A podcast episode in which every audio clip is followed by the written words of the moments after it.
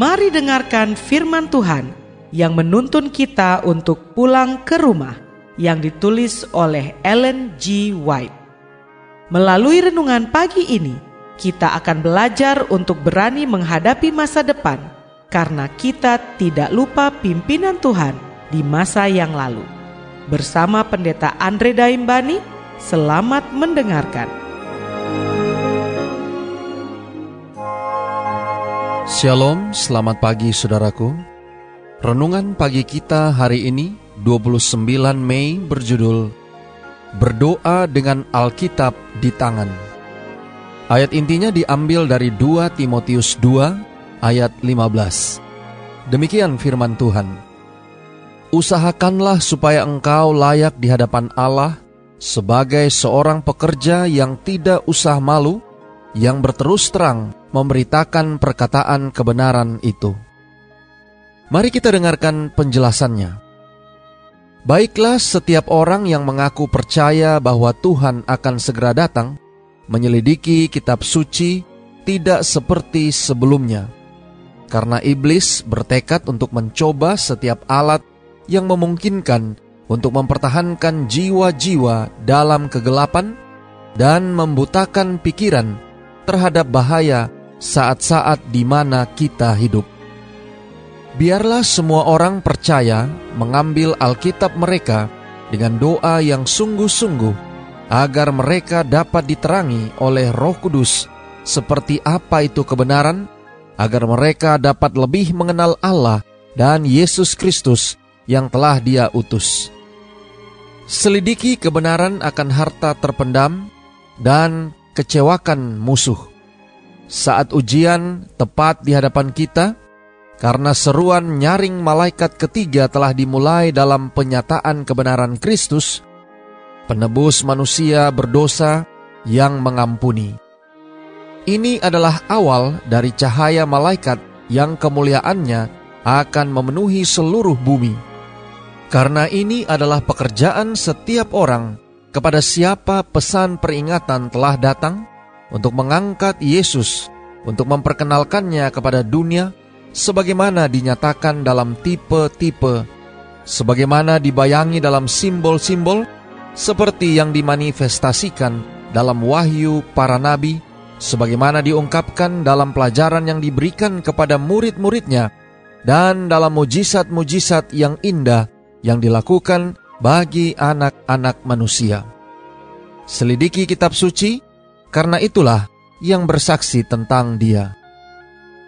Saudara-saudara yang kekasih di dalam Tuhan, jika Anda mau bertahan melewati masa kesukaran, Anda harus mengenal Kristus dan sesuai dengan karunia kebenarannya yang Ia nyatakan kepada orang berdosa yang bertobat.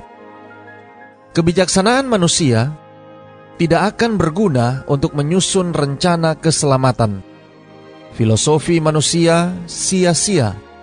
Buah dari kekuatan manusia yang paling mulia tidak berharga di samping rencana besar guru ilahi. Tidak ada kemuliaan bagi kita. Semua bantuan dan kemuliaan manusia terletak pada debu.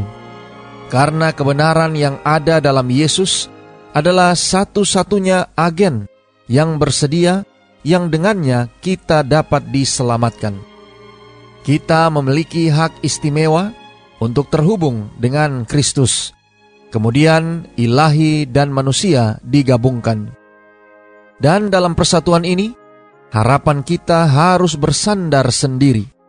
Karena roh kudus menyentuh jiwa, maka kekuatan jiwa dipercepat. Dan kita menjadi makhluk baru di dalam Kristus Yesus. Dia dimanifestasikan untuk membawa kehidupan dan keabadian terhadap cahaya. Dia berkata, "Perkataan-perkataan yang kukatakan kepadamu adalah roh dan hidup." Pemasmur menyatakan, "Bila tersingkap, firman-firmanmu memberi terang, memberi pengertian, kepada orang-orang bodoh. Review and Herald 2 November 1892 Doa kita hari ini Bapa, terima kasih. Melalui renungan pagi ini, kami boleh diingatkan tentang satu pelajaran yang sangat penting bagi kehidupan rohani kami. Terima kasih melalui renungan pagi ini kami diingatkan bahwa di dalam setiap doa-doa yang kami layangkan kepadamu, kami juga perlu untuk menyediakan waktu dalam menyelidiki akan firman Tuhan, yaitu kitab suci.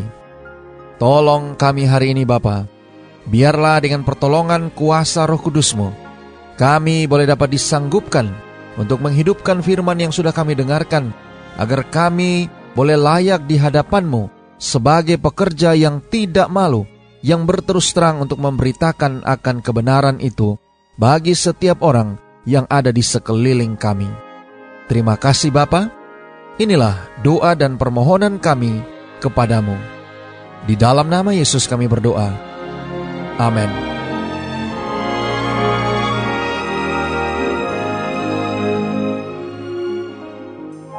Demikianlah tadi pembahasan tentang pulang ke rumah.